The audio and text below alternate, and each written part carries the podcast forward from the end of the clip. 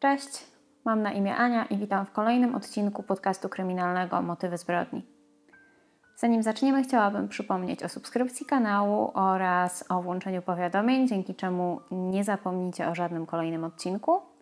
A także zachęcam do dołączenia do grupy facebookowej, gdzie będę publikowała zdjęcia do każdej sprawy, do jakieś dodatkowe materiały a także zachęcam Was tam do dyskusji na temat spraw, które już omówiliśmy, albo takich, które chcielibyście, żeby zostały omówione. Bohaterka dzisiejszego odcinka powiedziała kiedyś, że jesteśmy w stanie poradzić sobie z cierpieniem, jeśli głośno o nim powiemy. Natomiast w sytuacji, kiedy dochodzi do tak wielkiej tragedii, kiedy ginie bliska nam osoba, Wypowiedzenie tego, jak ogromny jest ból, nie zawsze pomaga nam poradzić sobie z sytuacją. Wtedy takim najlepszym rozwiązaniem dla rodziny jest oczekiwanie, nadzieja na to, że kiedyś przyjdzie rozwiązanie i będą mogli dowiedzieć się, co wydarzyło się z bliską im osobą. Przenieśmy się do miejscowości Siedlce, która jest położona w województwie mazowieckim, jakieś 90 km na wschód od Warszawy. Miasto to ma 78 tysięcy mieszkańców i mimo, że życie płynie tam zdecydowanie wolniej niż w stolicy, to czasami są takie momenty, kiedy życie mieszkańców Siedlc przyspiesza. Tam przy ulicy 11 listopada w jednym z bloków mieszka 31-letnia Joanna Kałabun. Joanna na co dzień pracuje w firmie, która zajmuje się sprzedażą opakowań. Wszyscy jej współpracownicy twierdzą, że jest wzorowym pracownikiem, jest e, zawsze bardzo dobrze zorganizowana, zawsze ma wszystko poukładane i jest taką osobą, którą można naśladować. Od 10 lat Joanna jest w związku małżeńskim z Grzegorzem i mimo, że tworzy już swoją rodzinę, to nie przeszkadza jej to w żaden sposób z utrzymywaniem bardzo dobrych kontaktów ze swoimi rodzicami i rodzeństwem. Joanna sprawdza się też świetnie jako taka tradycyjna pani domu. Zawsze ich dom jest zadbany, posprzątany i wszystko zawsze jest gotowe na czas. Znajomi Joanny mówią o niej jako o osobie bardzo życzliwej, takiej, którą aż, aż powinno się naśladować, jeśli chodzi o tego typu nastawienie do świata, oraz mówią o tym, że jest bardzo, bardzo rodzinna. Pozwolę sobie jeszcze tutaj wspomnieć o wyglądzie Joanny. Jest osobą szczupłą, ma 170 cm wzrostu i ciemne, takie ciemny blond włosy. Jest grudzień 2014 roku. W Siedlcach już prawie wszystkich dopadła przedświąteczna gorączka. Ludzie zaczynają chodzić po sklepach, aby kupić prezenty dla swoich bliskich z okazji zbliżających się świąt Bożego Narodzenia.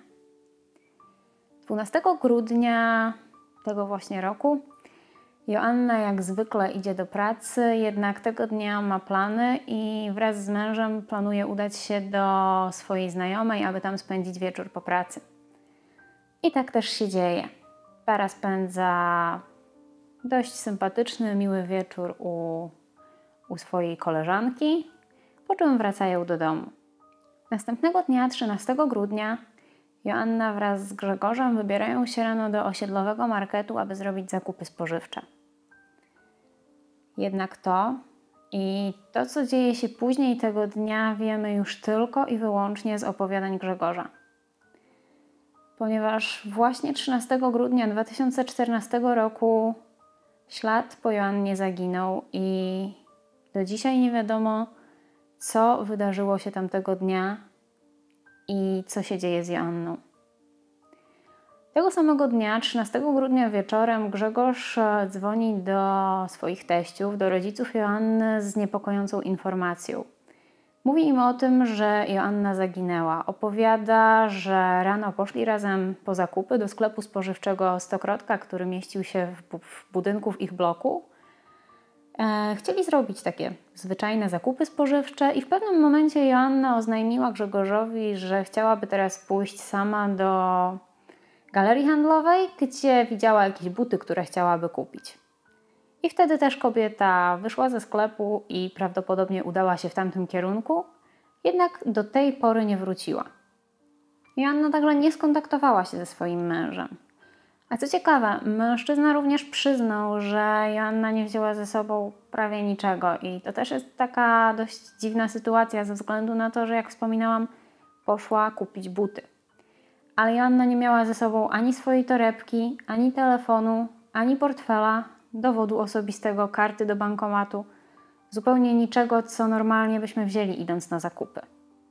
Zaskoczeni rodzice zapytali go od razu, czy w takim razie próbował kontaktować się z jakimiś znajomymi Joanny, z jej koleżankami, być może zaszła do kogoś, być może ktoś wie, co się, co się z nią dzieje. Mężczyzna odpowiedział, że tak, że oczywiście to zrobił, natomiast jak się później okazało, zrobił to, ale dopiero po rozmowie ze swoimi teściami, więc oszukał ich w tej sytuacji. W tym momencie poinformowana i zaniepokojona rodzina, czyli rodzice Joanny oraz jej rodzeństwo, zaczynają poszukiwania swojej córki, siostry na własną rękę.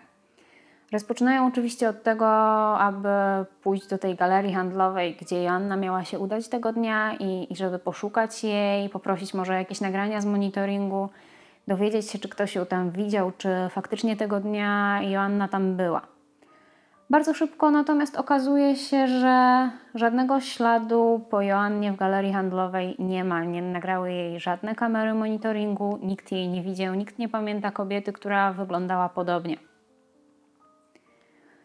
Następny etap poszukiwań to park, który znajduje się nieopodal mieszkania państwa Kałabun. I no tutaj też wszyscy starają się chodzić, pytać, może ktoś ją widział, może ktoś widział kogoś podobnego, może znajdą jakiś ślad, rękawiczki, czapkę, cokolwiek. Niestety okazuje się, że tutaj też e, żadnego śladu po Joannie nie ma. Kolejnym pomysłem, który przychodzi rodzinie do głowy jest e, sprawdzenie szpitali i, i wybierają się tutaj do dwóch szpitali, które są w okolicy, bo być może Joannie coś się przytrafiło, może miała jakiś wypadek, może gdzieś zasłabła i po prostu jest w dobrych rękach, ale nie miała jak skontaktować się z rodziną. Ale ten trop też kończy się na niczym. Poszukiwania Joanny e, skierowały wszystkich, którzy jej szukali, czyli rodzinę i inne osoby.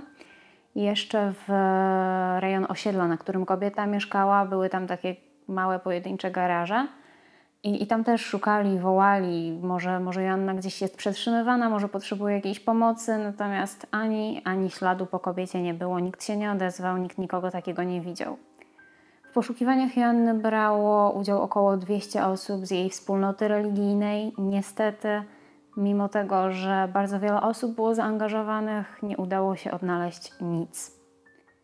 W tym samym czasie mąż Joanny zawiadamia policję o zaginięciu swojej żony, a i policja rozpoczyna działania tak naprawdę od razu.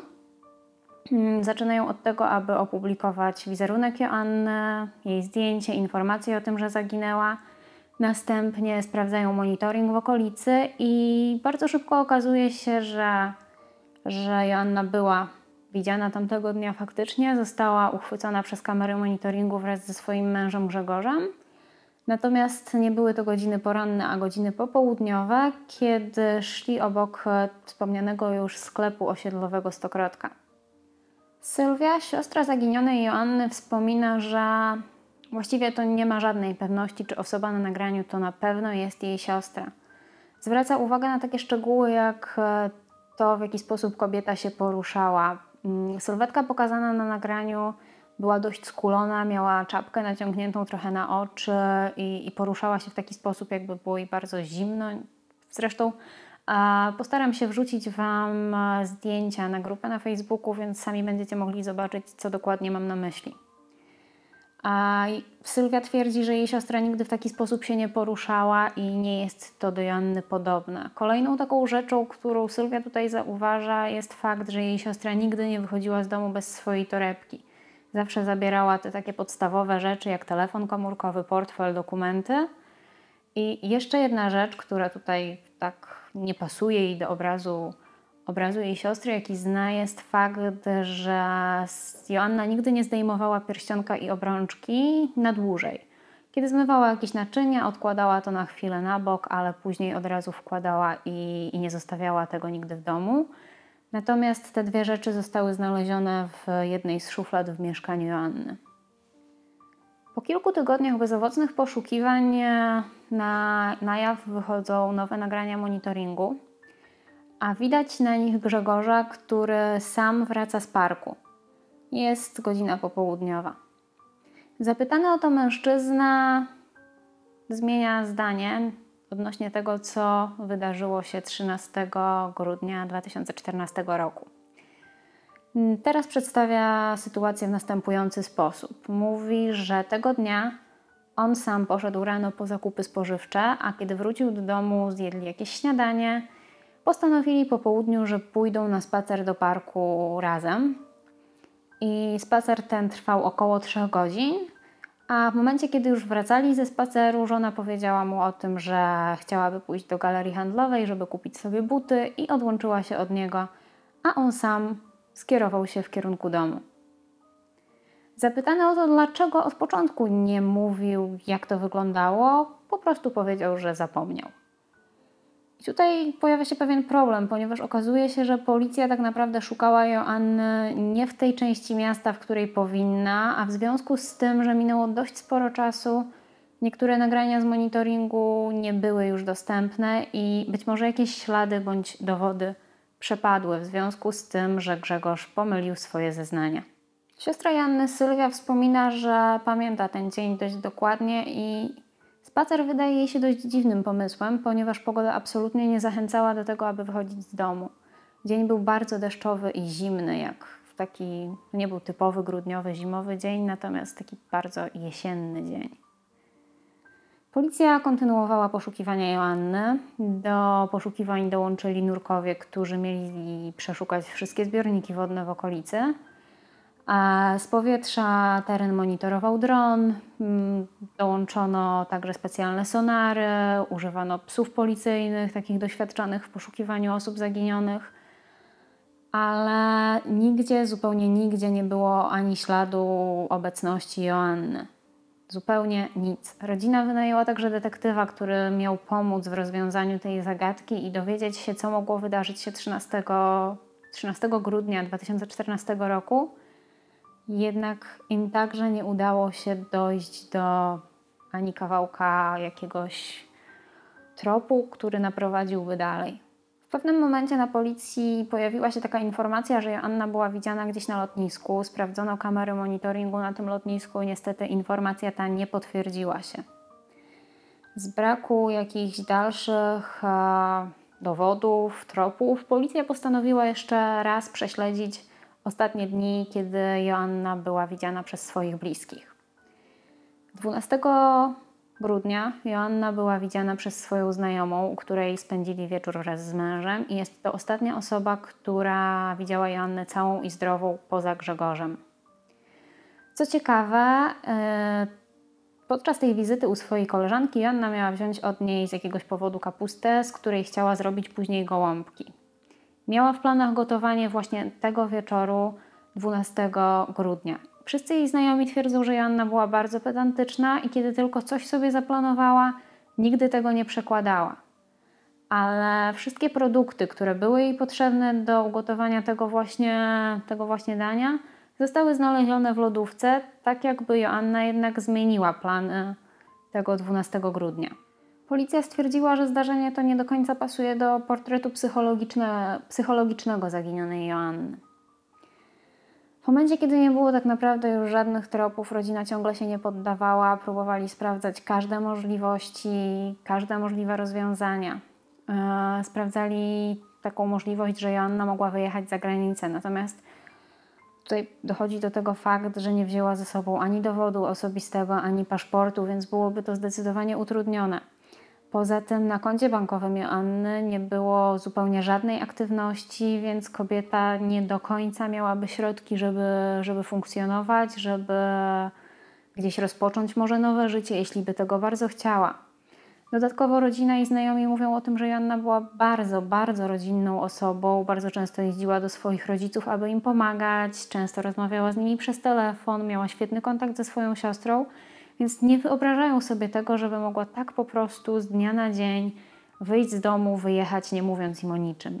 Nie przychodzi im do głowy żaden powód, który mógłby to spowodować. Kolejna hipoteza, która była sprawdzana zarówno przez policję, jak i przez rodzinę, jest e, hipotezą o tym, że Joanna mogła mieć jakiś wypadek albo mogło się coś stać, co spowodowało, że straciła pamięć. W związku z tym rodzina sprawdziła szpitale psychiatryczne, sprawdziła takie miejsca dla bezdomnych w Warszawie i okolicach. Wysyłali też maile do, do szpitali psychiatrycznych i ośrodków dla bezdomnych oddalonych e, od województwa mazowieckiego. I niestety ten trop też do niczego nie zaprowadził. Nikt nie widział osoby podobnej do Joanny. W międzyczasie Grzegorz całkowicie odsunął się od poszukiwań, przestał współpracować z rodziną i z policją. Po pewnym czasie postanowił ułożyć sobie życie od nowa. W sierpniu 2018 roku mężczyzna wystąpił o rozwód z winy Joanny. W związku z tym, że Joanna była zaginiona, sąd przypisał kuratora, który miał wystąpić w jej imieniu. I do rozwodu faktycznie doszło, natomiast e, nie tak jak Grzegorz chciał z winy Joanny, ale z winy Grzegorza. Rodzina Joanny do dziś nie jest w stanie poradzić sobie z tą sytuacją, mimo że minęło już kilka lat od jej zaginięcia, to do dzisiaj zastanawiają się i dręczą myślami, co mogło się wydarzyć. Sylwia, siostra Joanny, żałuje tego, że, że Joanna nie mogła poznać najmłodszej bratanicy, która przyszła na świat trzy lata po tym, jak, e, jak jej siostra zaginęła. Kobieta również się nie poddaje i do dzisiaj prowadzi fanpage e, na temat zaginionej, zaginionej Joanny o nazwie Zaginiona Joanna Siedlec. Publikuje tam treści na temat tego, ile czasu minęło, jakieś posty dotyczące poszukiwań. Do dzisiaj ludzie ten fanpage odwiedzają. Ja też Wam podrzucę link na, na Facebooku, żebyście mogli zobaczyć. A Sylwia dostaje również e, za pośrednictwem tego fanpage'u jakieś tropy, informacje, które na bieżąco są sprawdzane. Niestety do dzisiaj żadna z takich informacji nie mogła być w żaden sposób, nie udało się jej w żaden sposób potwierdzić, więc, więc większość tych tropów jest raczej mylna. Rodzice Joanny też ciągle nie mogą się z tym zaginięciem pogodzić i ciągle z dnia na dzień, codziennie odczuwają taki ból, jak, jak w żałobie po stracie dziecka. Jest to dla nich bardzo trudne, że nawet nie do końca wiedzą, co się wydarzyło, czy Joanna żyje i czy wszystko z nią w porządku. Jeśli chodzi o śledztwo, mimo że minęło już sporo czasu, policja nadal nie, nie włożyła tej sprawy do archiwum i ciągle przychodzą nowe osoby, ciągle czytają akta, starają się znaleźć jakieś rozwiązanie, ponieważ sprawa zaginięcia Janny nie daje im spokoju z jakiegoś powodu.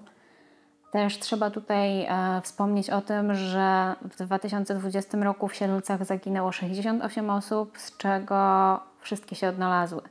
Więc raczej jest to bezpieczne miasto i ciężko powiedzieć, że Joannie mogło coś się tam stać. Dlatego też może policja tak często do tej sprawy wraca. I właściwie to już jest wszystko, co udało się znaleźć na temat zaginięcia Joanny. Jest to sprawa niezwykle tajemnicza, ale miejmy nadzieję, że kiedyś być może jakiś archiwum X zajmie się tą sprawą i będzie taka możliwość, że zostanie ona rozwiązana. Dziękuję Wam za obejrzenie materiału do końca. Dajcie znać w komentarzach, czy Wy o tej sprawie słyszeliście, czy może macie jakieś dodatkowe informacje, którymi możecie podzielić się w komentarzach. To na pewno chętnie wszyscy o tym poczytamy. I jeżeli film Wam się podobał, pamiętajcie o zostawieniu łapki w górę, co pozwoli, aby ten film został pokazany większej ilości osób. Dbajcie o siebie, kochani, i do zobaczenia. Cześć!